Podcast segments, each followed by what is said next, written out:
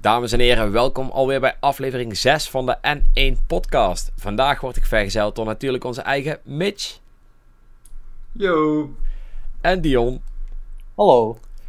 Uh, in deze aflevering gaan we het hebben over de Pokémon livestream, het faillissement van Alpha Dream, uh, de Link's Awakening sales en we introduceren dit keer een nieuw concept genaamd de Nintendo Defense Force, waarin we een game moeten verdedigen. Ook gaan we nog even hebben over Mario Kart Tour en Let's Plays op N1. Dat is uh, best wel wat. Volle bak. Volle ja, bak, nee, zeker. Uh, ja, uh, voordat we beginnen stel ik voor dat we uh, eventjes een voorstelronde doen. Vooral voor Dion, die voor de tweede keer te horen is deze keer. Ja, dat klopt. Ik heb volgens mij ook bij aflevering 2, volgens mij, of 3 heb ik, ben ik aangeschoven geweest. Maar, nou goed, voor de mensen die mij nog niet kennen. ik ben Dion. Ik zit al een aantal jaren slash uh, volgens mij bijna zelfs 10 jaar bij N1. Uh, doe daar, ja, ben daar ooit begonnen als camerajongetje. En uh, ja, dus ben eigenlijk nog wel af en toe verantwoordelijk voor de videocontent wanneer dat uh, uitkomt in het dagelijks leven met mijn normale werkzaamheden. Want ik ben ook freelance werkzaam als ja, filmmaker, of tenminste het maken van bedrijfsfilms. En in ieder geval in de mediasector. Ik doe nog talloze andere dingen, regieplusjes, et cetera. dus dat is eigenlijk in het kort wie ik ben. En uh, daarnaast natuurlijk gewoon een groot fan van uh, Nintendo games. Want anders dan zou ik ongetwijfeld ook geen dingen doen voor N1. Kijk aan. Nice, nice. nice Tof dat je er weer bij bent in ieder geval, uh, Dion. Sorry? Tof dat je er weer bij bent. Ja, nee, nee, zeker, zeker. Ja, ja we zijn blij om, om je te mogen horen. Ja. Nou, ik stel voor dat we gewoon meteen beginnen bij het eerste puntje, de Pokémon livestream. Ik heb namelijk ja, wel een gedeelte zitten kijken. er gebeurde vrij weinig. Maar er zijn wel een aantal dingen gebeurd die ik uh, eventjes heb opgesomd. De meest belangrijke is eigenlijk nog wel, uh, even kijken, de Galarian Ponita. Die, is, uh, die verscheen op een gegeven moment in beeld. En ja, ziet er een beetje uit als een, een paard gemaakt van snoep. ja, ja, ik ja, ik vond het wel, uh, wel oké. Ik bedoel, het was een 24 uur livestream waarin je eigenlijk de hele tijd hetzelfde zag. Ik had eigenlijk gehoopt dat je bijvoorbeeld één uur het bos zag, één uur uh, wat bergen. In ieder geval verschillende omgevingen. Maar het was echt gewoon alleen maar dezelfde omgeving. Um, ja. Ja, erg jammer. Ik had er meer van verwacht. Uh, het is natuurlijk een leuk ideetje, maar ik had dan in ieder geval nog gehoopt dat iedere keer even een andere omgeving was en daar weer een nieuwe Pokémon werd geïntroduceerd. Um, er zijn nog meerdere Pokémons gezien, zoals uh, Impidimp, Pikachu, Phantomp, uh, Morlul en Shiinotic. Um, ja, dat laat in ieder geval wel zien dat al deze Pokémons ook in Sword and Shield komen. Maar die waren natuurlijk, uh, ja, die zijn van oudere generaties. Pikachu, wie had dat verwacht? Ja, ja dat is wel echt uh, breaking news, dat Pikachu in de nieuwste Pokémon zit. nou, ja, niks is zeker we hebben dus gewoon, je, hebt, er zijn dus mensen dus gewoon hier op aarde die 24 uur lang naar een virtueel Pokémon bos gestaard hebben. Ja. Om volgens mij in de laatste paar minuten verblijd te worden met een uh, eenhoorn variant op, uh, uh, hoe heet die ook alweer? Ponita. Ponita. Ponita. ja, dankjewel. Ja, en de tease voor Rapidash, hè? niet vergeten. Ja, ja, dat was een, wat, wat, die, die, die cry was ook weer 8-bit volgens mij of zo. Ja, ja, 8 bit, ja, volgens mij gewoon de cry zoals altijd. Dus dat is niet, uh, niets veranderd.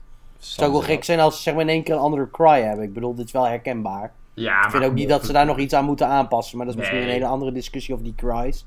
Hmm. Maar goed, ja. ja.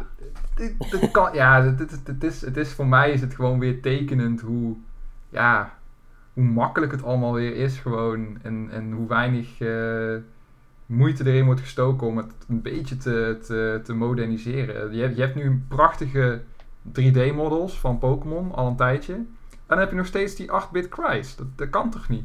Ja, nee, klopt. nee, ja, nee, natuurlijk. Uh, in principe kan je al die soundbites van de anime kan je natuurlijk gewoon erin zetten. Ik bedoel, dat hebben ze ook met... Bijvoorbeeld? Vanaf X, van de X en Y hebben ze dat uh, met Pikachu toen gedaan als enige. Mm -hmm. En volgens mij is bij Let's Go heb je ook Eevee dan met dat deutje. Maar daar houdt het dan ook bij op, zeg maar.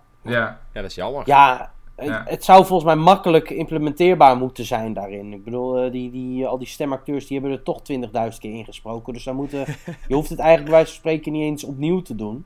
Ja, anders wil ik ook wel even naar de studio komen hoor. Het is gewoon de hele tijd de naam herhalen. Ponita, Ponita, Rapidash, Rapidash. Ja, nou, dat is niet helemaal waar natuurlijk. Er zijn een aantal die meer van zo'n of zo hebben, weet ik. Dat klopt. Dat, uh, Nou, weet je wat, ook een Jij deel mag het doen. naam. Ja, maar eh, ja, ga je gang, Mitch. Ja, nee, maar wat betreft die, die 24 uur stream, eh, om daar even op terug te komen. Hmm. Kijk, ik snap het vanuit het eh, ja, marketing, communicatie standpunt. Ja, we gaan een 24 uur stream doen, want ze doen elke keer wel weer iets, iets Ja, vernieuwends of iets anders. Ze hadden toen een glitch op die website, dat bleek eh Surfetch te zijn.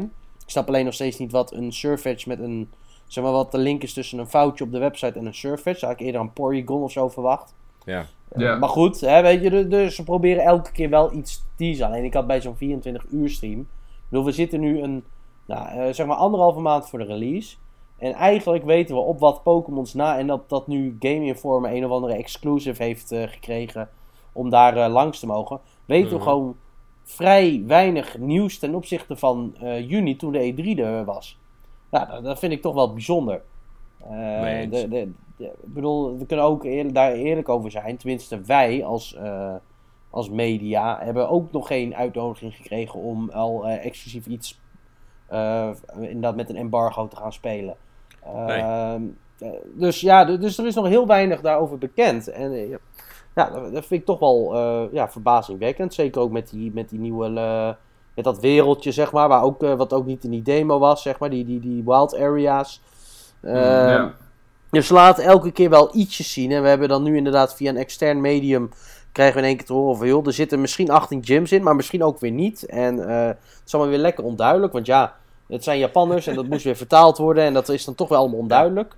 Terwijl nota bene dat medium dus exclusief een deal heeft gesloten. Dus je zou verwachten dat daar toch wel nog een soort van eindredactie overheen gaat. Al dan niet vanuit eh, Game Freak. Maar Nou, het is, het is nu niet als het goed is toch wel duidelijk, toch? Want zoals ik het nu heb begrepen, is dat er eigenlijk 18 gyms zijn, waarvan je eh 8 major en minor gyms hebt. En iedere versie heeft zijn eigen 8 eh, major gyms en de andere zijn minor gyms. Dat is Ja, wat ik daar dat- uithaal. ja, Ja, dat, heb ik ook begrepen. Ja, je zegt het goed dat niet eruit prima. halen. Maar ja, dat was in eerste instantie niet duidelijk. Toen was het gewoon, ja, er zijn 18 gyms. Ja, klopt. nou ja, klopt. goed. ehm, sowieso, ja, goed, dat is weer even heel anders. Je hebt natuurlijk die ge- geruchten gehad. Er was ook een gerucht of zo. Dat eh, je na die 8 gyms. Ja, dit is een beetje spoiler misschien als het eh, gerucht waar blijkt. Weet je, ik ga dit niet vertellen. Maar het komt erop neer dat je op een gegeven moment na die 8 gyms nog meer gyms moet doen. om toch nog verder te komen in de game. Dus even Oké. de strekking van dat, van dat gerucht. Ja, dus. eh, Het, ja. Maar in, in ieder geval, het komt er meer op neer van. joh, we weten nog steeds vrij weinig over die game. En ze laten in ieder geval leuke dingetjes zien om dat te teasen. Maar echt grote, nieuwswaardig, noemenswaardige dingen. Behalve wat Galarian forms. hebben we nog niet echt gezien. Nou, dat vind ik wel eh verbazingwekkend. Nee, true. En de game release inderdaad al over anderhalve maand. Dan zul je ook zeggen dat ze waarschijnlijk reviewkopieën ook al over een maand of zo eruit zullen sturen. Dus eh, ja, ik ben benieuwd. Je mag ervan uitgaan dat je minimaal wel twee weken nodig zal hebben voor die game. als je een beetje fatsoenlijk wil reviewen. Ja, daarom. Dus, maar ja, goed. Dus om het even samen te vatten, de livestream zelf was, het, eh, was niet echt de moeite waard. Eh, Ja. Ja. Maar ja, dat had ik ook niet verwacht. Ja, Dus, eh, ik weet niet. Ik denk dat, ik sluit me wel aan bij Dion dat het wel marketingtechnisch gewoon heel slim is. Het, het sluit goed aan op, eh, op trends met betrekking tot streamers en Twitch en zo. En het kost de Pokémon Company natuurlijk echt, natuurlijk echt helemaal niets nee, om een zo'n eh, virtuele camera even aan te zetten. Ja. En je hebt er wel even flink wat, eh, wat aandacht mee van hoehoe, Galarian Ponyta op het einde, eenhoorns, leuk. En Oh, dat nee. praat toch dan weer iedereen over. Dus Nee, ja, is ook, ook al... is ook wel zo. Ehm, alleen zelf bedoel ik meer wel dat het niet de moeite waard was om te kijken. Ik ben blij Oh, dat ik echt maar even gekeken heb en vervolgens een samenvatting heb gepakt. Want eh, ja, laten we eerlijk zijn. Ja, Ehm, ik heb ook wel medelijden met de mensen die echt die 24 uur zo voor de, ja, voor de laptop hebben gezeten. Ja, of misschien zelf ook 24 uur hebben gelivestreamd hoe zij keken naar deze livestream of zo, weet je. Dat is heftig. Ja, dat is, eh, Dat zijn heftige... En dat mensen ook dat weer livestreamen, hè? Dat, dat heb je dan Ja. ook nog. Nee, nee. Livestreamception. Ja. Get wrecked. Nou ja, ik stel ook voor dat we hier niet al te lang bij blijven hangen en doorgaan Nee, naar Alpha Pokémon, Dream. we kennen het wel. Ja, die discussie is natuurlijk al vaker gegaan. Ehm Alpha Dream is failliet. Ja, Ja, dat komt ook opeens. Dat was best heftig, vond ik zelf, om, eh, om te lezen. Kijk, natuurlijk, eh, die laatste... eh, we kennen Alpha Dream natuurlijk allemaal als de ontwikkelaar van de Mario Luigi RPG-reeks. Eigenlijk al vanaf het eerste deel op de Game Boy Advance. Ehm, en ja, die, die latere Mario Luigi games. je had volgens mij die ene samen met Paper Mario. Die hebben ook niet zo super goed verkocht. Dus in dat opzicht is het ook niet zo super vreemd. Maar dat ze nou meteen uh, ook gewoon failliet gaan, dat is wel, uh, ja, dat, ja, wat betekent dat voor de Mario en Luigi RPG-serie uh, bijvoorbeeld? Gaat die nu überhaupt wel, wel door? Nou, ja, dat, dat zal toch wel. Ik bedoel, de, op zich, kijk, tenminste wat ik, kijk, ik weet niet exact hoe dat in elkaar staat. Misschien weet jij daar iets meer over, Mitch. Maar kijk, Alpha Dream is natuurlijk gewoon de, de studio, dus die maakt het. Nintendo geeft dat, die game uit.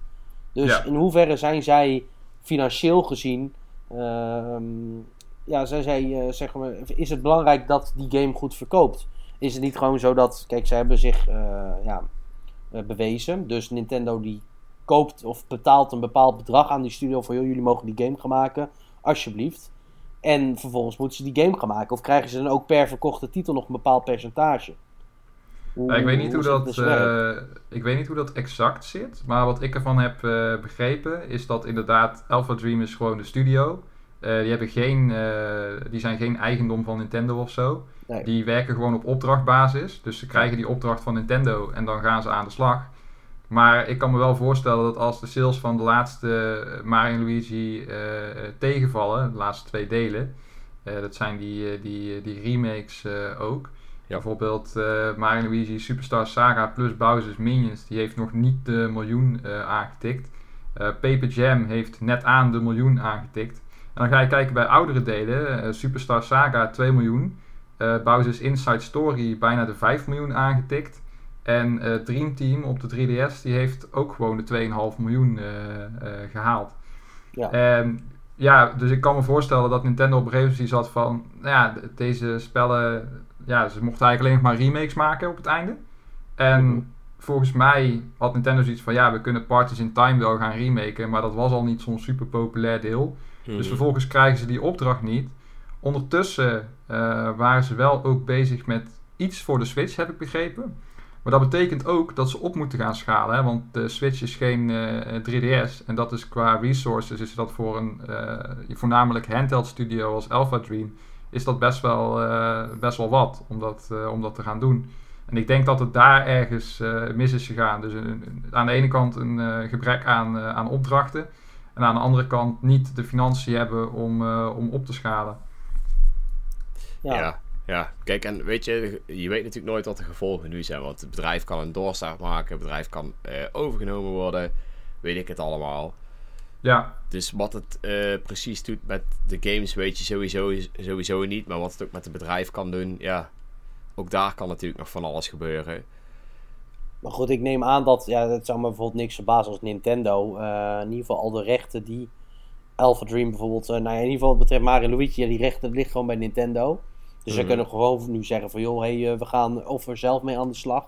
Of we laten een andere partij die goed is in, in RPG's die laten we aan de nieuwe eh, Mario Luigi werken. En ik denk dat dat op zich ook best wel goed is, hè, want je merkt inderdaad wel aan de laatste titels. Ik heb toen die, die Dream Team Bros heb ik nog gespeeld. Ja, mm het, het, kijk, die Superstar Saga, ik denk dat dat uh, gewoon, ook omdat het gewoon heel vernieuwend was destijds. Ik denk dat dat gewoon de beste uit de serie is. Die Bowser Inside Story, die heb ik dus nooit gespeeld. Dat vond ik te leuk. Dat concept me niet aansloeg, maar ik hoor daar echt louter positieve verhalen over. Ja, die was echt uh, geweldig. Nou, die, die, die, die, die, die Partners in Time die vond ik op zich ook nog wel leuk, omdat het mm dat nieuwe elementen voortbracht. Maar ja, daarna werd het inderdaad gewoon steeds minder. En, en je merkt inderdaad gewoon dat de studio zich minder... Ja, je had wat leuke gimmicks, maar het, het ja, het werd niet vernieuwend genoeg of zo. En dat... Uh, ja, ik denk dat het goed is dat er nu misschien wel dan een nieuwe partij aan gaat zitten. Dat denk ik ook wel. Ja. weet je wat het ook was? Die, die Mario Luigi en, uh, en Paper Mario eh, games, die begonnen ook steeds dichter naar elkaar toe te groeien. Want je had Mario Luigi en, en Paper Mario waren ooit best wel... Uh, dat Mario Luigi was zeg maar meer de, de, de, de lollige, de, de meer basic variant. En Paper Mario zat wat, wat meer op de ja, op, de, op de personages en de story. En er waren wat meer, ja. uh, meer cutscenes en wat meer tekst om, uh, om te lezen, als het ware. Ja. En bij die latere delen zie je eigenlijk dat, nou ja, mede door uh, de adviezen van Miyamoto is Paper Mario eigenlijk steeds minder story geworden en steeds meer basic. gewoon Red Princess Peach, alle personages zijn toads, dat soort dingen. En dat hadden die latere Mario en Luigi games, die hadden dat ook een beetje. Die hadden ook geen echt unieke werelden meer.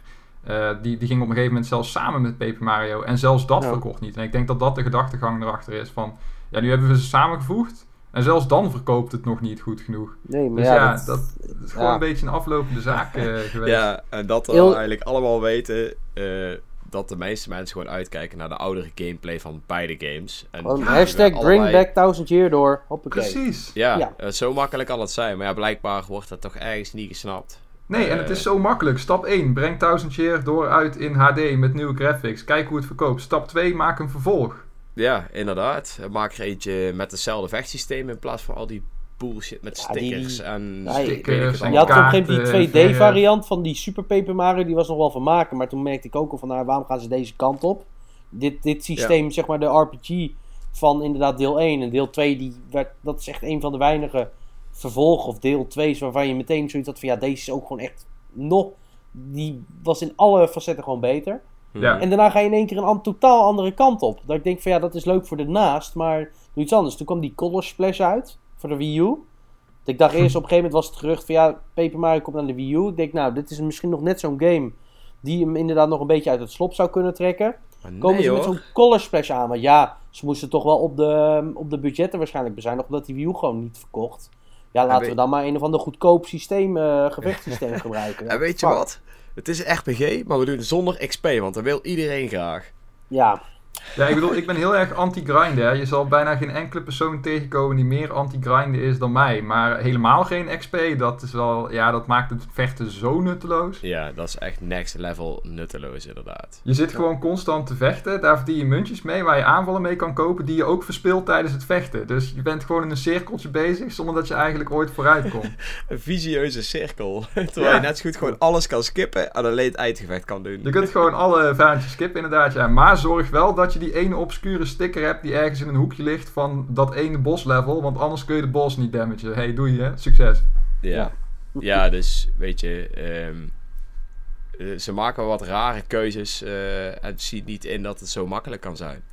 Dus dat is Ja, het is gewoon weer een kwestie van... Soms moet je wel luisteren naar de fans. Kijk, Ja. we gaan het dadelijk over een game hebben waar eh, Nintendo te veel heeft geluisterd naar de fans. Maar bij Paper Mario zeg ik, luister nou eens een keer naar de fans. True that. Nou, ehm, ik stel ook voor dat we maar meteen doorgaan naar de volgende. En dat is de sales van Link's Awakening. Dion. ja, Enlighten Ja. us. Nou ja, goed, die, die, eh, die, die zijn alle aardigst, om eventjes eh, heel netjes te zeggen.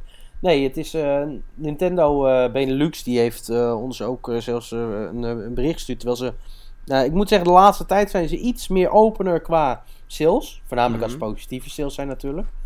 Ja, Eh, dus we kregen laatst ook weer in onze redactie eh, mailbox een eh, berichtje van... joh, zou je dit alsjeblieft willen plaatsen? En nou ja, goed, eh, kregen we inderdaad te horen dat zeg maar, in de eerste drie dagen... dus zeg maar in die 72 uur tijd... zijn er gewoon meer dan eh 430.000 stuks verkocht in heel Europa. Ja. Nou ja, en dat zijn zeg maar ongeveer 100 spellen per minuut. Nou ja, dat moet je even vanuit gaan dat natuurlijk niet de winkels 24-7 open zijn. Maar nou ja, goed, het, het, het, het is best wel een knappe prestatie. Eh, want het zou zelfs een unicum zijn. Ik zal heel eventjes het... eh, even kijken wat, er, wat een mooie quote was. Ehm, Komt even kijken. De ja, nee, ik, ja, ik moet even lezen wat, wat het is. Want ik moet wel goed quoteren natuurlijk, hè. Ehm, Alle rechten voorbehouden. in ieder geval, oh ja, hier is geen titel sneller, eh, zeg maar, dit, hier, dit is hem. Nintendo Nederland laat weten dat er geen titel sneller exemplaren verkocht in Europa dan The Legend of Zelda Link's Awakening. Nou ja, dat is toch een, eh, het gaat om een Switch titel. En dan Maar goed, Smash dat is wel- ingehaald, hè? Ja, dus dat is wel echt, eh, ja, ziekelijk knap. Maar Dat gaat had ik niet verwacht, want van- Zelda is meestal geen system seller. Ehm, dus ja, ik, ik had eerder inderdaad zo'n Mario Kart of een Mario, weet je, dat soort titels. Bijvoorbeeld Nieuw Super Mario eh Brothers Wii U Deluxe eh, had ik bijvoorbeeld eerder eh, onder dat rijtje geschaard. Mhm. Dat is ook een remake, maar ja, Mario, Mario verkoopt. Maar blijkbaar niet. Maar dat eh, is over een periode van? Hoeveel? Eh, de eerste 72 uur. Oh, de eerste 72 uur, oké. Ja, ja. Dus we zijn Ja. nu alweer echt eh, twee weken verder. Dus ik ben benieuwd hoe. Zeg maar, ik denk dat zo'n Mario-titel ook wel langer eh, verkoopt. Want we hadden- op een gegeven moment werden die cijfers natuurlijk bekend van, eh, van die top 3 games met Mario Kart en zo. Eh, of met Mario Kart en Mario eh U Deluxe. En het is Mhm. wel zo dat, stel mensen die kopen nu nog een Switch. die zullen eerder een Mario of een Mario Kart kopen, denk ik, dan een Zelda Link's Awakening. Ja, zeker. Het is- Dat is een eh, aanname, maar ik denk dat die wel redelijk valide is. Nee, ik Ja. snap wat je bedoelt. Het is natuurlijk inderdaad zoals iemand een nieuw systeem koopt, dan koopt hij daar vaak toch wel standaard die multiplayer games bij, zoals inderdaad Mario Kart of Mario Deluxe, eh, Ja. weet ik het allemaal. Ja, Dus en volgens mij, verkoopt, eh, volgens mij verkoopt Breath of the Wild ook nog steeds wel aardig. Omdat het ook gewoon de systemsteller was van de Switch eh, bij launch. En nog Ja, steeds eh, Zeker. hele goede word of mouth heeft natuurlijk. Ook omdat eh, ja, de cijfers zijn gewoon absurd hoog ook. Dus mensen kennen het Ja. en mensen willen het wel proberen en hebben ervan gehoord en dat soort dingen. En dat had ik inderdaad bij Link's Awakening niet verwacht, want dat ziet er toch wat simpeler uit. Sterker nog, ik had juist verwacht dat door Breath of the Wild en het succes daarvan, dat zo'n Link's Awakening eigenlijk slechter zou verkopen bij het grote publiek. Omdat ze denken van, oh ja, maar dit is niet open world, eh, ik zie het van bovenaf, eh, dit ziet eruit alsof je het in 10 uur uitspeelt. Waarom zou ik dit kopen? Ja, ja, het kan ook andersom zijn natuurlijk. Hé, hey, het is Zelda. Dat was best wel een goede game. Let's go, we gaan voor de tweede.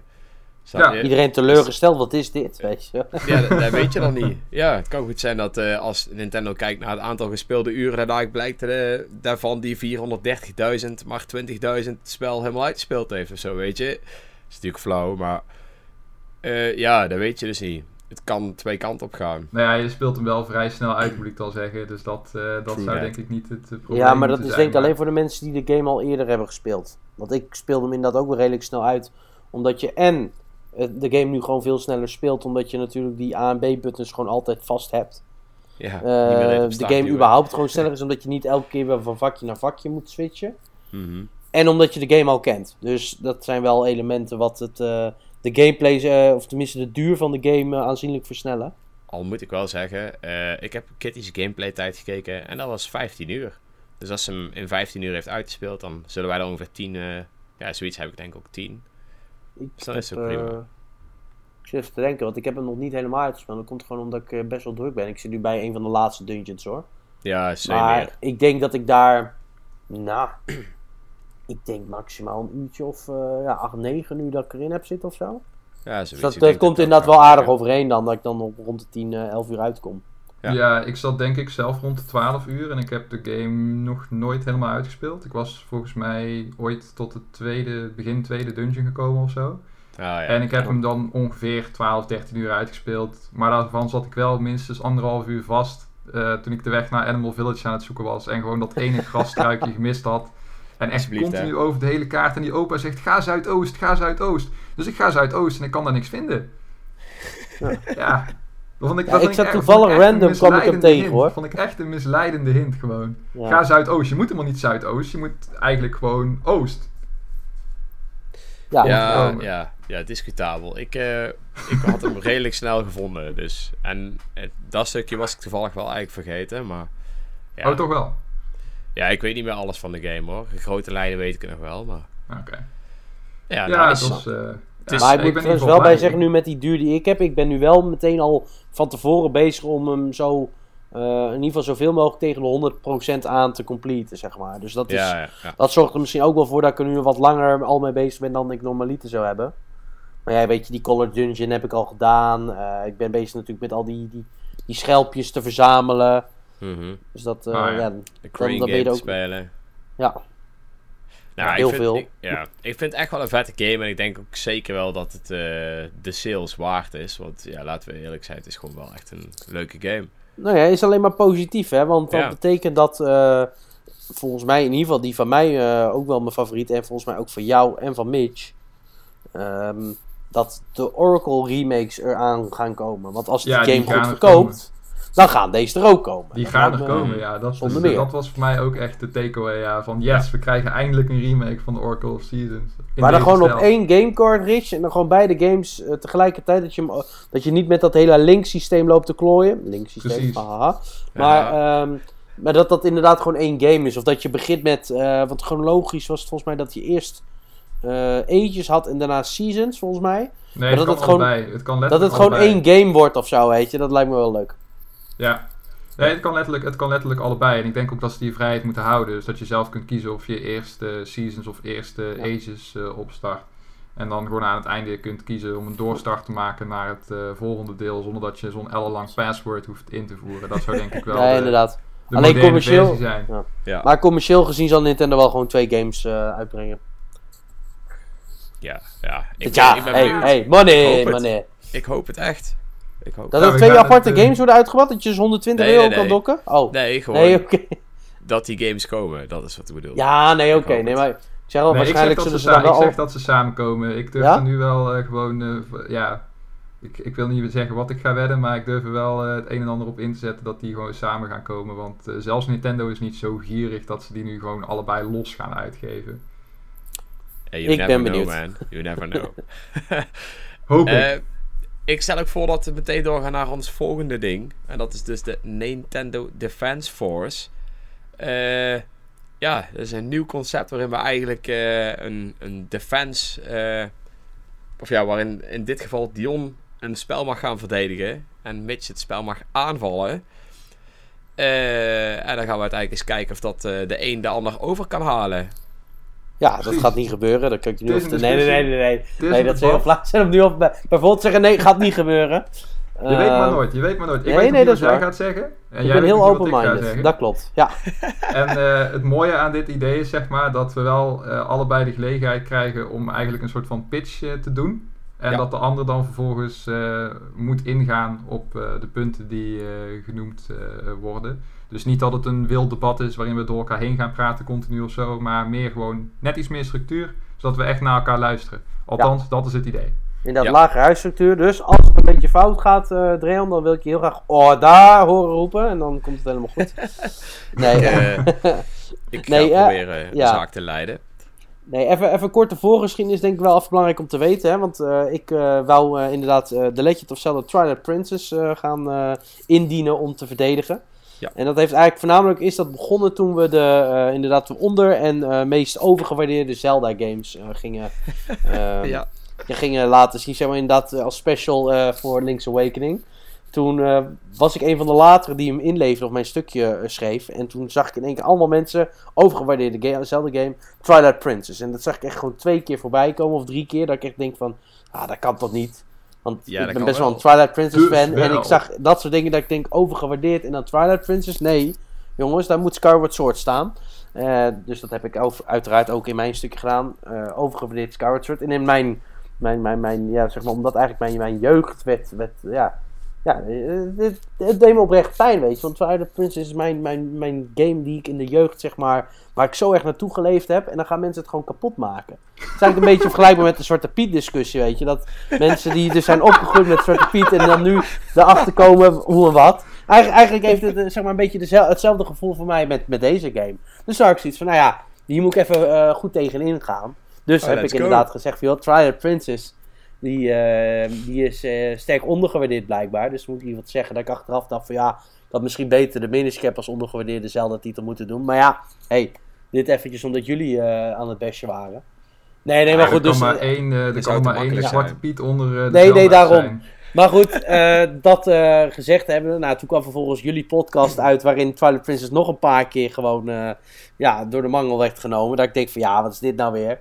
Niet ik ben er de volgende beetje. podcast bij en ik, eh, ik ga hem even verdedigen. Hmm. Blijf toch, blijf toch mijn kindje, soort van. Dus, eh, dus ja, nu zijn we hier. Ja. Jouw moment, Aan- aan- eh, Dion, jouw moment. Maar Ja, dat is dus een beetje wat, eh, wat, wat Twilight Princess eh, voor jou betekent. Ik zal ook even kort zeggen wat Twilight Princess voor mij betekent. Want ik ga nu alvast zeggen, ik ben geen unanieme hater van eh, Twilight Princess. Ehm, waar ik mij Twilight Princess vooral van herinner, ik weet het nog als de dag van gisteren, was dat die game uitkwam toen ik ongeveer een jaartje of 13 was. En ik was nog nooit zo hyped geweest, denk ik, in mijn leven om een speldoosje op te halen uit de winkel. Hmm. Ik weet nog heel goed dat ik eh, ook nog een eh, Duits tentamen had. ehm, die bewuste ochtend. de avond dat ik het ophaalde. En ja, je kan wel raden dat eh, dat Duits tentamen dat dat, niet heel goed is afgelopen. Maar ik had wel Twilight Princess. En het was Kijk. vet. En ik vond het fantastisch. En de eerste keer dat ik het uitspeelde, vond ik het echt het beste spel eh, eh, ooit. En eh, ik had er toen ook een maand over gedaan of zo. En het voelde echt episch en groots. Dus Ja. ja, ik, ik was altijd heel positief over Twilight Princess. Het, is- het is alleen dat ik tijdens het herspelen van Twilight Princess steeds meer dingen beginnen op te vallen die, ja, die je in de hype eigenlijk gewoon niet, niet zag. Dus ja, Zeker. uiteindelijk eh, heb ik wel het een en ander aan te merken op Twilight Princess. En is het gewoon niet één eh, van mijn favoriete Zelda's. Ja. Nou, ja, goed, dat uh, in eerlijk, principe- eerlijk. Ja, ik voelde me eigenlijk een beetje hetzelfde als Mitch hoor. Toen, ik de Wii U versie had gekocht, eh, vond ik hem uiteindelijk ook niet meer zo leuk als dat ik had gehoopt. Eh, maar toch ga ik me in, eh, in deze discussie ambivalent eh, voorstellen. Ik wil zeggen, je bent al redelijk vooringenomen, Dreon. Dit, eh, Nee, nee, nee, Ik ga met deze discussie. Deze, heeft ons door. Ja, Ja. ja. ja. nee, ik ga me deze discussie wel ambivalent eh, voorstellen. Ik ben eigenlijk voornamelijk gewoon degene die, eh, die ervoor gaat zorgen dat jullie het allebei in goede banen houden. Ehm, ik stel voor dat we beginnen met de defense pitch van jou, Dion. Ja. Nee, Je ja, goed. Ik, ik, wil nog heel veel kort inderdaad nog even teruggaan over wat Twilight Prince voor mij eh betekende. Want ik had voornamelijk inderdaad waarom het mij triggerde om hierop in te gaan. Maar Mhm. ja, ik denk dat het voor eh, wat- Mitch net vertelt, dat ik die mening wel daarin deel. Dat eigenlijk de hype naar die game toe, die was echt gigantisch. Ik denk Ja, ook nog steeds dat zeker. eh, het, het, het, het marketingapparaat van Nintendo destijds echt gewoon het, het beste uit zichzelf heeft gehaald. En dat hadden ze, ja, dat moeten ze gewoon veel vaker nog doen met een aantal games. Ik weet dat je dat niet altijd kan doen. Maar de opbouw van Twilight Princess vanaf bekendmaking tot aan release. Dat is gewoon het beste wat ik ooit bij een game heb gezien, zeg maar, tot dusver. Gewoon die eerste keer die trailer, dan eens een keer met een eh, Game Developers Conference een nieuwe teaser droppen.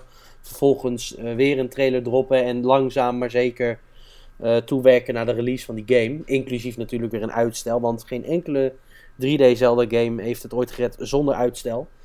Die is altijd wel een keer uitgesteld. Ja, ja dat, zo, is- zo is Yep. het nou wel. Maar dat betekent dat het een goede Zelda game is. Dus ook Twilight Princess.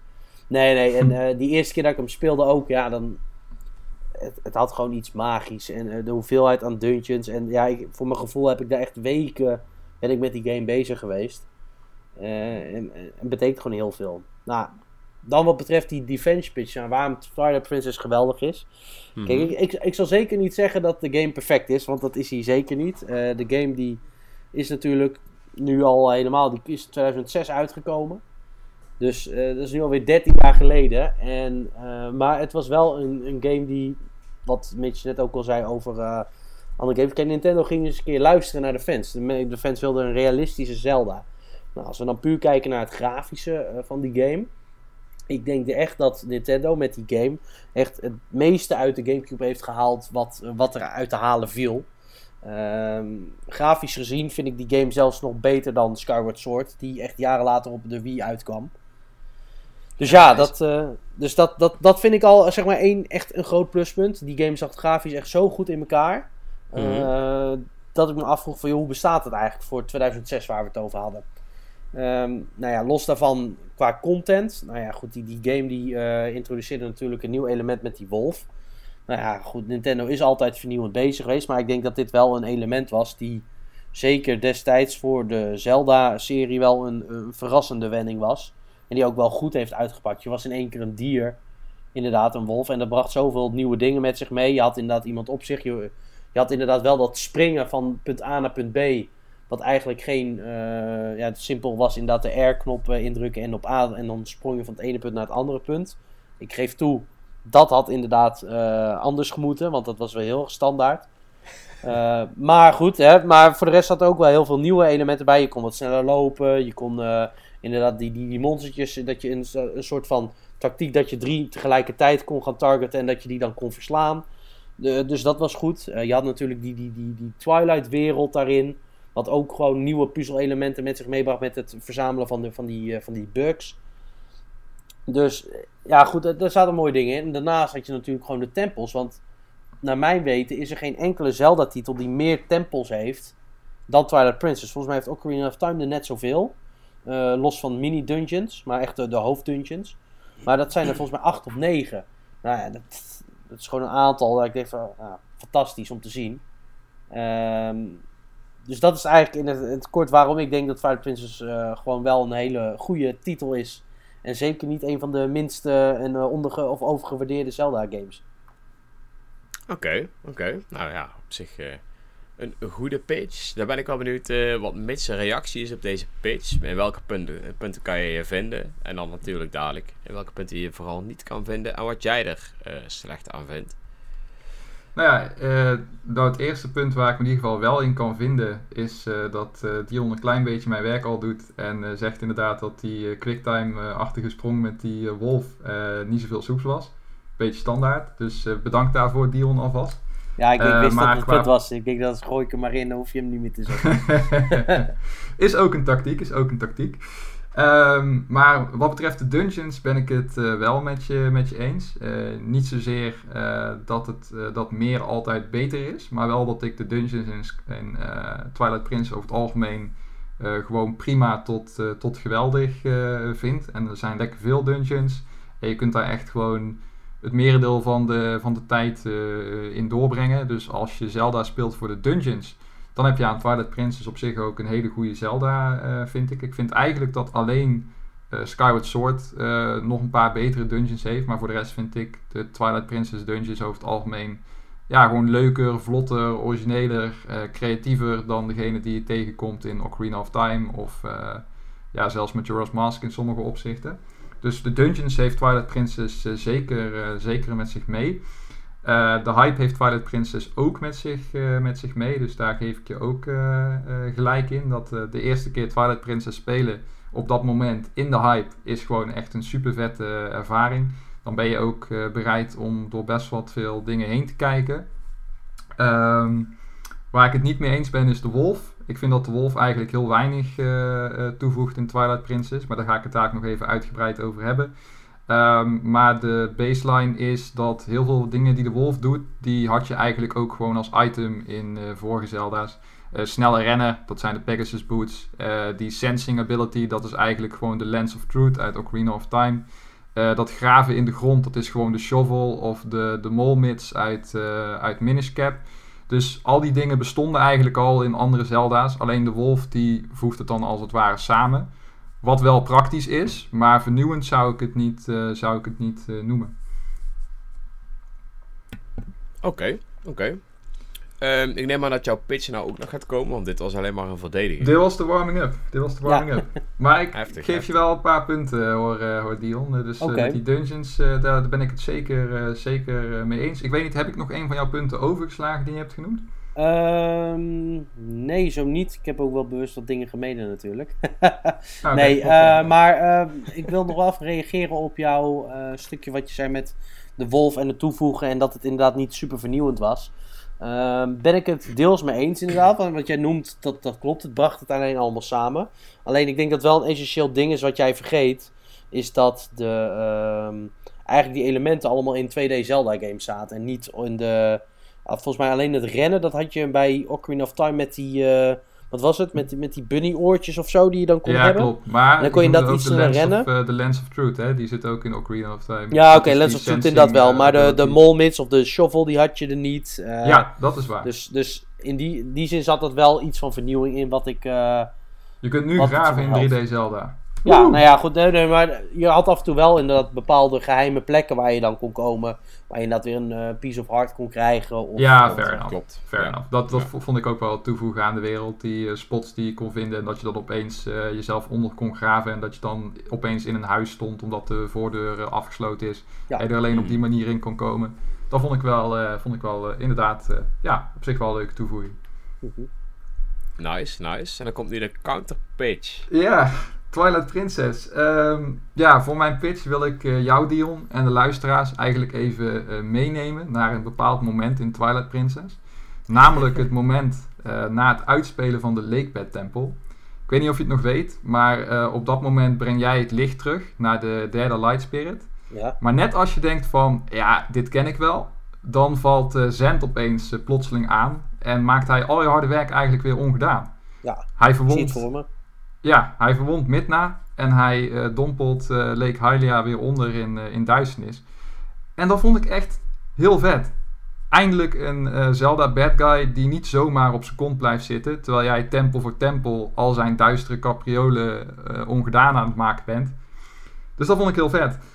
Alleen wat nou zo jammer is, is dat daar verder dus helemaal niets mee wordt gedaan. Je ziet Zend nooit meer gebieden terug veranderen in Twilight. Want hij laat je de rest van de game laat je gewoon met rust. En hij blijft net als Ganondorf gewoon op zijn kont zitten. Dus er is uh, op ongeveer een derde van Twilight Princess, nadat je dus die eerste drie tempels hebt gedaan en continu die, eh, dat er echt een vette sfeer is neergezet ook, vind ik, met die Twilight Realm, is er helemaal geen dreiging meer. Er gebeurt tussen het moment dat je Lake Hylia verlaat en het moment dat je Hyrule Castle bestormt voor de finale, echt maar heel weinig in Twilight Princess uh, qua hoofdverhaal. Je krijgt die zijverhaaltjes die cool zijn met, met die Yeti en even met die, uh, met die staf. Uh, en met de Arbiters Ground, dat, dat is nog wel een beetje deel van het hoofdverhaal. Maar voor de rest zit eigenlijk Ganondorf maar in zijn kasteel. Zend zit maar in zijn kasteel. Ze doen helemaal niks meer. En dat vind ik echt jammer, want het lijkt dan een beetje alsof het verhaal op pauze staat. En daardoor heeft voor mij een van de grote nadelen van, of ja, meest tegenvallende aspecten van Twilight Princess, vind ik het verhaal. Want het verhaal heeft een begin en een einde, maar het middenstuk voelt qua ontwikkelingen ongeveer net zo levendig als het Hyrule Field. Niet dus. En daardoor moet het einde er opeens ook heel snel doorheen. En het resultaat vind ik een, een rommelig avontuur met, uh, met slechte pacing. En die uh, pacingproblemen zitten niet alleen in het verhaal. Want uh, Twilight Princess wil je heel graag het gevoel geven dat je een groots avontuur beleeft. Maar daardoor verspeelt het ook je tijd met herhalende content. Uh, een goed voorbeeld daarvan, vond ik leuk dat je dat ook noemde, Dion. Die, uh, die beesten die je in die cirkel moet krijgen met die warpoints. Dat is iedere keer zijn het exact dezelfde drie beesten. Nou ja, soms zijn het er vier en soms zit er een, een, een muurtje met een bocht extra tussen. Maar iedere keer moet je die beesten op exact dezelfde manier verslaan. Hmm. Met exact dezelfde tactiek. En dat doe je niet twee keer, dat doe je niet drie keer, maar dat doe je in totaal vijftien keer in die hele game. En ik vond het dus totaal niet boeiend en heel erg eentonig. En dan is een, een ander voorbeeldje daarvan is bijvoorbeeld uh, wanneer je de Lost Woods puzzel doet om naar de Temple of Time te komen.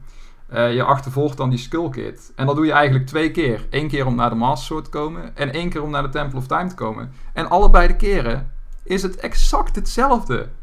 Waarom doe je dat? Waarom zit dat in de game? Waarom moet ik twee keer exact hetzelfde doen, terwijl het de eerste keer al eigenlijk niet zo super bijzonder was? Want die puzzel had je ook al gezien in de andere Zelda's. Dus dat zijn dingen waarvan ik denk van, dat voelt gewoon een beetje als opvulling. En dan komen we bij Wolflink. Um, zoals gezegd, het concept is cool. Uh, maar veel dingen die uh, Link als wolf kan, heb ik al gezegd, die kun je ook in items verwerken. Maar waarom zou ik dat liever zien? Waarom zou ik dat liever zien? Omdat uh, de combat met Wolflink vind ik echt heel slecht. Die is gewoon matig. Uh, je moves die zijn heel erg beperkt vergeleken met het zwaard van Link. En dat maakt de combat eigenlijk super eentonig. Want je hebt eigenlijk maar een paar bewegingen. Je kunt bijten, je kunt nog een keer bijten. En je kunt die cirkel uh, oproepen. En je kunt een hele geforceerde spin attack doen met de staart van Wolflink. Wat eigenlijk nergens op slaat, maar vooruit. Dat vind ik nog wel grappig. Maar het allerdomste vind ik nog wel dat wanneer je een vijandje tegen de grond werkt als, uh, als dan kun je hem niet afmaken. Dan moet je wachten tot hij opstaat en dan kun je hem weer raken. Ja, zo kom je wel aan de 40 uur speeltijd. Dat zijn zulke rare, slordige keuzes van een, uh, ja, van een Zelda-team wat eigenlijk altijd best wel uh, ja, efficiënte keuzes en logische keuzes maakt. Dat ik echt denk van waarom? En het grappige is, die finishing move animatie, die is er gewoon. Hè? Want als jij zo'n post spirit pakt met Wolflink, dan moet jij om die af te maken als je op de grond ligt, moet je een finisher doen. Dan kan hij opeens wel een finisher. Het is zo raar. Nou ja, heb ik een aantal voorbeelden genoemd. Uh, kom ik even tot de kern van mijn, uh, van mijn betoog. Al die dingen die stapelen zich op. En dan vind ik dat uh, Twilight Princess, ondanks de hoogtepunten, toch best wel wat onderontwikkelde en matig uitgewerkte gameplay ideeën heeft. En bovendien vaak ook gameplay die je tijd niet uh, respecteert. En dat is voor mij de reden dat ik het uh, nu in 2019 en wanneer ik het spel probeer, uh, probeer te replayen, ja, ik vind het dan lastig om door die game heen te komen. En deels ligt die oorzaak van wat ik begrepen heb in het feit dat Twilight Princess conceptueel een rommelige ontwikkeling heeft gehad. Het is ooit begonnen als Wind Waker 2.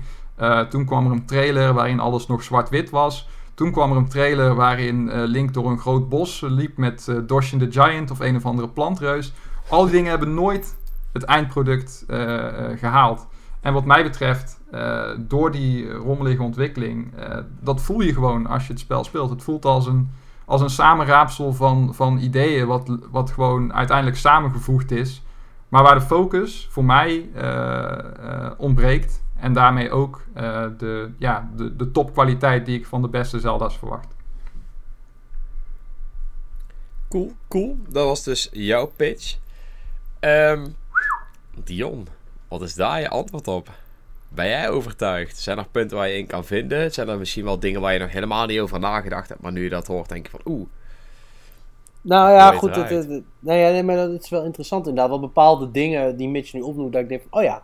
Want dat, dat zijn elementen waar ik of niet, eh, niet bij stil heb gestaan of op een andere manier naar heb gekeken. Eh, Mhm. Laat ik het even chronologisch op reageren, want dat is denk ik wel het makkelijkste. Ja. Ehm, allereerst begon je inderdaad zeg maar, over het eh, verhaal met eh, Zed. Nou ja, goed, ik vind inderdaad wel het, de hele opbouw met Zed, dat ik echt denk van, oh, wat is voor vette bad guy. En uiteindelijk in het eind blijkt een maniale gek te zijn. Die twist vind ik nog wel, wel interessant. Sommigen vinden hem discutabel. Ik vind hem wel juist gaaf dat het uiteindelijk gewoon een of andere iemand is die uiteindelijk zichzelf helemaal verliest. En daardoor eigenlijk zwakker is dan dat hij eigenlijk was, zeg maar, Ja, of is. ja, maar dat wil ik wel Eh, zeggen, dat is verder niet mijn probleem. Ik vind dat Nee, nee, best nee, nee, daarom. Maar dat, twist. dat eh, misschien af voor anderen wel die nu meeluisteren.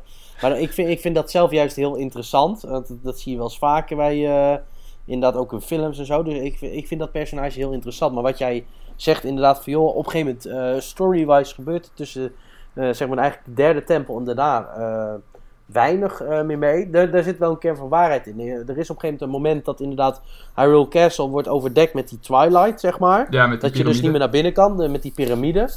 Dat, dat is inderdaad nog een story element. En je hebt op een gegeven moment inderdaad in de Arbiter's Grounds. Wat overigens echt wel in de top 3 van beste Zelda dungeons zit wat mij betreft. Fair enough. Ehm, heb je inderdaad op het eind dat hij zich er toch nog mee bekommert. Want eh, ja, eh, jij ziet dat je toch bezig bent. Nou, hier heb- ga ik dat skelet tot leven wekken. En dan moet je tegen dat monster vechten. En dan heb je vervolgens nog de hele eh, historie van de executie van Ganondorf. En hoe dat uiteindelijk zijn, zijn uitwerking heeft gehad. En dat die Mirror of Twilight inderdaad wordt. of is vermorzeld, zeg maar. Dus en daarna heb je inderdaad die drie stukken daarna. Dan gebeurt er weinig tot niks meer. Terwijl ik inderdaad op zo'n moment. Daar hadden ze misschien wat meer mee kunnen of mogen doen. Je ziet natuurlijk nog wel in die laatste tempel in de Twilight Realm. Dat daar een beetje verhaal eh, weer in terugkomt. Want dan krijg je toch van ja, uiteindelijk blijkt Ganondorf toch de, de slechterik te zijn. Hoewel je dat natuurlijk ook kon raden nadat je die, die cutscene had gezien met eh, de Mirror of Twilight. Maar ja, goed, eh, daar, daar kan ik me inderdaad wel in vinden.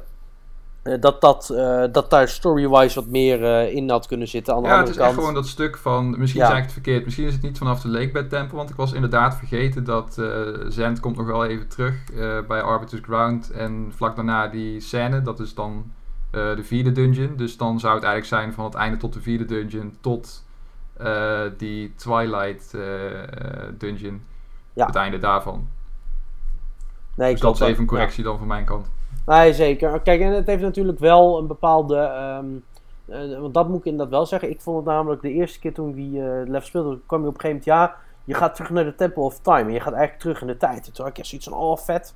Maar op zo'n moment had ik inderdaad meer willen zien van bijvoorbeeld dat je dan eh, wat meer elementen uit Ocarina of Time terugzag. Dus dat je inderdaad in één keer eh Rauru of een van de andere C'tjes uit die tijd ziet. Van joh, hé, hey, of dat, dat daar misschien wat meer mee gespeeld had mogen worden. Ik denk dat dat wel heel interessant voor het verhaal had kunnen zijn geweest. Uiteindelijk, want dat vind ik trouwens ook wel, dat wil ik zeggen, wat, wat ik heel erg teleurstellend vond. Was dat je in de Temple of Time uiteindelijk een of andere stomme spin als eindbaas had. Maar dat, eh, ja, dat, dat, vond ik echt, dat vond ik echt teleurstelling. Ik denk Temple of Time, weet True. je, Ocarina of Time, gaaf. En dan heb je in één keer een spin als eindbaas. Ja, de fuck. Maar goed. Ehm, maar daar, ik, in ieder geval daarin denk ik wel, omdat qua verhaalelementen had dat eh, soms beter gekund. Eh, wat was jouw punt daarna, Mitch? Die kan ik even, eh, voordat ik één ding vergeet. Oh ja, Wolflink. Daarna was dat die, hoe heet het? Eh, even kijken. Ja, ik denk, ik denk het samenvoegen eh, van allemaal verschillende concepten die door de jaren heen veranderd zijn. Nee, dat, ik. dat was het nog niet. Nee, de Eh, Wolflink het en het ging- ging over aanvallen de- Het ging over de, de pacing, de, Oh ja, de, ja. De, de elementen in de game die eigenlijk heel herhalend zijn. En daardoor voor mijn gevoel ook gewoon je tijd verspillen. Ja. Omdat het gewoon dezelfde Mhm. content is die gewoon herhaald wordt met minimale variatie. Nee, nee, nee, daar ben ik het zeker mee eens als ik, er, als ik het zo hoor. Ik vind inderdaad vooral dat hele Wolflink verhaal, en dat snap ik ook niet waarom ze die met de HD remake niet hebben aangepast. Dat je inderdaad geen finisher had. Dat, eh, daar kon ik me inderdaad ook heel vaak wel aan storen nu ik er eh, in hindsight aan terugdenk. Van joh, Oh ja, dan, had ik inderdaad, dan lag hij op de grond en dan moest ik wachten totdat hij weer opstond en dan moest ik hem weer verslaan. Dan had je inderdaad wel zeg maar die, eh, die finisher eigenlijk voor die ook gebruikte voor die monstertjes. Die kon je dan gebruiken en dan, dan viel die wel eens in één keer neer, maar dat was ook niet altijd het geval. Dus daar eh, inderdaad eh, ben ik het volkomen mee eens. Ehm, inderdaad ook met de, eh, de, zeg maar de Lost Woods met de Skull Kit idem. Daar had ik liever gewoon het standaard puzzel. zeg maar, dan had ik de eerste keer bijvoorbeeld het gehad zoals die het deed. En dan de andere keer dat je inderdaad gewoon de klassieke Lost Woods puzzel had. Van joh, je gaat er nu in en je komt weer aan het begin uit. Dat ik dan Ja, liever gehad. precies. Of andere vijanden, of Ja. een andere route. Of Nee, nee, zeker. Wel, zoiets. eh, Dus, maar eh, iets, het, was gewoon, het is gewoon exact hetzelfde. Ja, nee, nee, daar, daar ben ik het helemaal mee eens. En, Het is eh, bijna alsof ze op het doosje wilden zeggen van ja, je bent hier echt wel 70 uur mee bezig, gewoon maak je je niet druk. Dat een beetje, dat dat de motivatie was. Van, ja, mensen willen een lange Zelda, mensen willen voor hun geld. We stoppen er gewoon twee keer dezelfde skill case in, doei. Nee, dus, eh, dus daar ben ik het inderdaad zeker mee eens. En wat jouw laatste argument. Dat was het samenvoegen van verschillende eh, concepten eigenlijk, omdat de ontwikkel, Ja, eh, ja. ontwikkeling niet Nee, inderdaad. Ja, met die ontwikkelperiode. Want dat, daar moet ik nu ook weer aan- terugdenken. Wat ik inderdaad weet is dat de Twilight Realm in eerste instantie een volledige zwart-wit wereld was, inderdaad. En daar is toen eh, in ieder geval, voor zover je in die tijd een online community had in 2005, best wel negatief op gereageerd. Ik zelf vond het wel interessant, maar ja, misschien kwam het ook door de hype toen als, eh, wat was het, 12-jarig jongetje. Ja, het was echt die Ehm, duisternis die echt ja. gehyped werd van. Het zag Ja. er wel veel duisterder uit. Ja. Dat was het denk ik vooral. En, en toen maakten ze er inderdaad een soort van blurry eh geel achter. Ik denk dat dat ook wel mijn, eh, als we het over het grafische verhaal hebben, dat natuurlijk het hele blurry verhaal ervoor zorgde dat het daardoor mooier leek dan dat het was. Eh, dat zou ook nog een reden kunnen zijn geweest dat ze uiteindelijk voor daarvoor hebben gekozen. Maar ze hebben inderdaad wel in een jaar tijd, als het ware, hebben ze die hele game toen, want toen werd die ook uitgesteld, hebben ze dingen aan moeten passen. En inderdaad, uit de trailer bleken allemaal onderdelen. Het, duiken onder water. ehm, die, die bleken in één keer eh, aangepast te zijn. Want je zag in één keer eerst dat hij gewoon met zijn normale kloffie kon gaan, eh, kon gaan duiken. En daarna kon het alleen nog maar in zijn blauwe kloffie. Je had inderdaad zeg maar dat, dat boommonstertje of zo. Of in ieder geval persoon dat een boom was geworden. Dat was eruit weggehaald. En zo waren er nog wat elementen. Ehm, ja. ja, nee, nee. Dus, dus uiteindelijk snap ik wel dat het productioneel gezien misschien een rommeltje is geweest waardoor dit soort fouten erin eh, zijn geslopen. Alleen het zijn geen game-breaking fouten of zo. En dat, dat, ik denk dat dat nou, wel heel ik zie het niet belangrijk zozeer is. als, als, als fouten. Ik zie het gewoon als functionerende elementen die gewoon niet helemaal lekker samenkomen of gewoon half afgewerkt zijn. Als Ja, ik een er nog een klein puntje. Als ik er nog een klein puntje in mag sneaken, bijvoorbeeld dat praten met dieren. Dat, ik had verwacht dat dat echt een veel grotere rol zou spelen. Maar dat doe je echt twee keer in de hele game voor story reasons. En voor de rest heb je er eigenlijk helemaal niks aan. Of wordt het nauwelijks gebruikt. Ja. Terwijl dat toen wel best wel in een van die trailers best wel pontificaal eh, naar voren kwam. En eh Ayonuma zei in een interview dat, dat Link ook de held moest worden van de dieren en zo. Dat er, zo. er zitten zoveel elementen in die game die gewoon nergens eigenlijk naartoe gaan. En dat vind ik een beetje jammer, want nu, is- nu lijkt het een beetje zo van... Oh ja, we hadden dit ooit beloofd, dus het zit er wel in, soort van, maar meer als extraatje. Nee, nee, helder. Nou ja, goed, dus het, eh, Dan stel ik ook voor dat we hem eh, rappen. Omdat we eigenlijk al best wel een tijdje aan het praten zijn. De samenvatting is dus eigenlijk wel eh, dat Dion stiekem toch wel een heel klein beetje overgehaald is. Zoals ik nu hoor. Wil niet zeggen dat hij een slechte game vindt. Zeker niet. En waarschijnlijk is het ook een heel, groot stukje nostalgie eh, van het spelen van die game die natuurlijk in meespeelt. Want ik, ik ervaarde die game eerst natuurlijk ook gewoon als heel geweldig. Laten we eerlijk zijn. Ehm, maar er zijn inderdaad, hoe langer je erover na gaat denken, wel steeds meer eh, inconsistencies, zeg maar, die op gaan vallen naarmate je eh, kritischer naar die game gaat kijken op deze leeftijd. ja, nou ja, goed. Ik, ik denk dat je het wel redelijk goed samenvat. Ehm, alleen ik wil inderdaad wel benadrukken. Ik vind het absoluut niet de, eh, zeg maar de, de slechtste De meest 3D Zelda. overgewaardeerde. En, en dat is wat ik wel heel vaak hoor. En daar kan ik heel slecht tegen. Omdat dat gewoon totaal niet waar is. Zeg maar. Of tenminste, Oh nee, wat ik totaal niet waar vind. Daarin vinden we elkaar wel, eh, Dion. Ik vind het ook absoluut niet eh, de slechtste 3D-Zelda. Ik vind het ook absoluut geen, geen slechte Zelda, want de dingen die het goed doet, doet het wel ook echt gewoon goed. Ja, en zeker. de, de overal, eh, ja, de, de overal sfeer eh, en, en presentatie en, En ik vind trouwens ook, moet ik zeggen, die Twilight eh, Realm met die bloem en dat geelsige en dat groene, vind ik echt een super vet, eh, super vet eh, visueel eh steltje. Ik denk ook Ja. dat dat veel beter is dan dat, eh, dan dat zwart-wit, want dat zou denk ik toch wel saai worden na een, eh, na een tijdje. Dus eh, ik, vind dat, ik vind het qua stijl, qua dungeons, ik vind het ook een van de betere Link designs overigens. Ik vind de, de, de artwork die van Twilight Princess, de box art, al die dingen, ik vind dat allemaal fantastisch. Alleen ja, er zitten gewoon wat, wat haken en ogen aan voor Hmm. mij. En het is ook absoluut verder ook niet mijn bedoeling om die game voor je te verpesten. Dat gaat me waarschijnlijk ook niet lukken, helaas.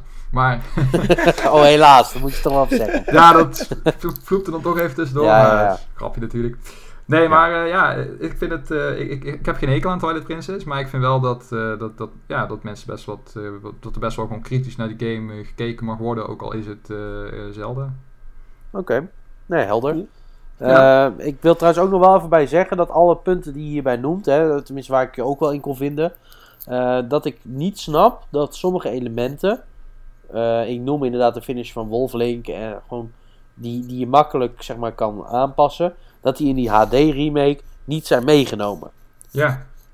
En wat ik ook vreemd Weet je, om vind die pacing gewoon te verhogen. Maar ja, Ja, dit, dit was sowieso vergeleken met Wind Waker een hele slappe HD remake. Want bij de Wind Waker hebben ze zoveel dingen aangepast Ja. om te zeggen van... Kom, we gaan er even een betere game van maken. klopt. Maar En dat, dit was gewoon echt... eh, ja, 1, 2, 3 hoppakee staat op de Wii U, zullen we maar even zeggen. Nee, nee, maar wat, wat ik heb begrepen, en ik weet niet in hoeverre dat, dat klopt hoor, want dat, heb, je, heb je ook alleen maar van horen zeggen. Ehm Breath of the Wild, die, was, ehm, die werd gemaakt. En eigenlijk was het volgens mij oorspronkelijk helemaal niet het plan om Twilight Princess HD eh, uit te gaan brengen op de Wii U. Alleen omdat Breath of the Wild eh, dusdanig eh, eh, lang werd uitgesteld, hadden ze zoiets Mhm. van ja, we moeten hier iets in de tussentijd mee doen. En toen was het van ja, laten we dan maar eh, Twilight Princess HD remaken. En Oh, dat zou eh, best wel goed kunnen zijn, ja. Ja. Dus dat, dat Ja. is volgens mij de, de achterliggende reden geweest. En wat eh, volgens mij ook zo is, en daardoor was het ook nog eens makkelijk om die game te remaken, is dat zowel The Wind Waker als Twilight Princess op een enigszins eh, vergelijkbare engine zitten. En dat was bij het origineel zo.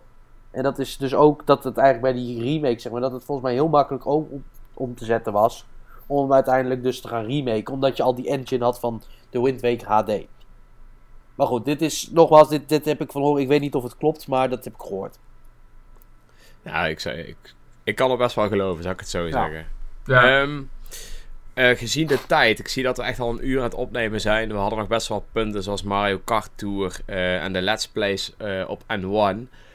Ehm, ik wil nog wel even een kort stukje kwijt over de Let's Plays. Maar ik stel voor dat we Mario Kart Tour eh, in ieder geval uitstellen tot aan de volgende podcast. Want daar kunnen we ook nog wel redelijk even over discussiëren, denk ik. Ja, één kort dingetje over zeggen. Die game die is in beginsel gratis. Iedereen ge- gewoon downloaden en gaat gewoon ervaren. Dat Ja, ik stel ook voor dat eh, iedereen hem probeert te downloaden. En eh, ook mooi even ter discussie stelt tij- tijdens de volgende podcast. Eh, ook voor de luisteraars is het altijd leuk om eh, je in de reacties eh, te mengen natuurlijk, achteraf. Ehm, ja, verder zijn we natuurlijk nou, of ben ik begonnen met het maken van een let's play op, eh, op de website. Je bent het ook zeker van plan om dat vaker te binnenkort doen? Nee, zeker niet. Ah, Nee, ik ben, eh, ja, ik ben nou bezig met Forager. Ik wil daar nog sowieso eh, een aflevering meer over maken. Misschien nog wel wat meer. ligt eraan natuurlijk wat reacties zijn. Verder staat al heel lang op mijn agenda om Xenoblade Chronicles 2 de Torna, Torna DLC een keertje te doen. Want die heb ik namelijk nog nooit gespeeld vanwege tijdgebrek. En dat is gewoon echt super jammer, want Xenoblade Chronicles 2 is voor mij... ehm, ik weet niet of het de beste game is van 2017, omdat Zelda Breath of the Wild toen ook uitkwam. Maar voor mij is dat, op, ja, is dat zeker één van de beste games van 2017. Eh, dus die- wil ik misschien ook nog wel eh, gaan spelen. Verder, ja, als er ideeën zijn, horen we die natuurlijk altijd graag. Ook van de redactie natuurlijk. Dus als jullie vette ideeën hebben, laat het zeker weten. Geen Twilight Princess. nee, er, er was toch van een, eh, van een lid van ons een game die die heel graag eh, die we konden spelen. Ja, maar daar heb ik geen reactie meer op gehad. eh, Oh. Of dat wel een Nintendo Switch game was natuurlijk. Want wij zijn wel Ah, vast een anders begint hij toch niet over. Lijkt me. Sorry? Was, niet, was het geen e-shop titel van hem of zo? Want het, ging, ik, het heb- was van... niet, maar eh, geen idee. Ik Hij heeft nog geen reactie gegeven. Dus mocht hij toevallig luisteren. Ja. Maar eh, als je luistert, dan eh drop het in Ja. de comments. En dan komen we er eh, ongetwijfeld nog Ja, even die, terug. en dat als die uit is, zegt voor die baas inderdaad. Dus, maar dat, eh, Ja. maar ik dacht dat dat een e-shop titel werd, maar ik weet het niet zeker meer wat het, eh, of dat die game was. Nou, ik ben benieuwd. Ik hoop het. De Six Seasons game inderdaad heette, is dat volgens mij. Oké. Vanuit, vanuit Nou de hem is. Mocht die, eh, mocht die er zijn, dan eh, willen we deze game eh, natuurlijk graag spelen. Ik wil hem ook best wel graag spelen als Let's Play. Ja. Ja, verder heb ik daar nog best wel wel leuke ideeën over. ja, om dat allemaal een beetje op gang te krijgen. En hoop ik ook om daar iets vets van te maken. Ik zou er ook echt... Lijkt me ook echt super grappig om dat een keer nog met iemand anders te doen. De Let's Play hoeft natuurlijk niet per se alleen. Dus ja, ik heb er zin in. Ik eh, ga er zo nu en dan in ieder geval eentje plaatsen bij de rest van de videocontent die ik natuurlijk allemaal plaats. Eh, ook loopt er trouwens een poll, dat is ook wel een belangrijke, over wat voor videocontent jullie graag willen zien. Eh, met deze informatie gaan we ook echt iets doen, dus mocht je nog niet gestemd hebben, doe dat even. Stemmen! Stemmen. En that's it eigenlijk. Ik denk ook dat we daarmee deze podcast zullen beëindigen, want we zijn echt al een uur aan het praten. Ja, de eerste Nin- eh, Nintendo Defense Force discussie eh, is denk ik best wel goed gegaan. Volgende keer moeten we eventjes kijken hoe dat we het iets eh, beter kunnen timen. Dus de volgende keer zet ik gewoon een timer aan en zeg gewoon stop. Ja, Zo'n zo, zo, zo'n tikkend geluidje ook op de achtergrond. Ja, Echt, Ja, dus, en dan zo'n bel die gewoon gaat. Ja, maar verder is dit natuurlijk, eh, is dit denk ik, of ja, hopelijk een, een leuke eh, variant natuurlijk voor een discussie. Eh, laat Ja, ik even en weten wat mochten je we- ervan vond. Mochten we te beschaafd gebleven zijn, laat het dan ook even horen in de comments. Want dan eh, pak ik de volgende keer wel mijn oorlogsvest. Even een tandje erbij. ja, we hopen in ieder geval dat jullie genoten hebben. Ik wil in ieder geval Mitch en Dion natuurlijk bedanken voor het aansluiten bij deze podcast. alsjeblieft. Zeker. Ja, zeker, zeker. En ook natuurlijk de luisteraars bedanken voor het luisteren. En over twee weken zijn wij weer terug met de volgende podcast. Yes. Tot dan. Tot ziens. Later. Later.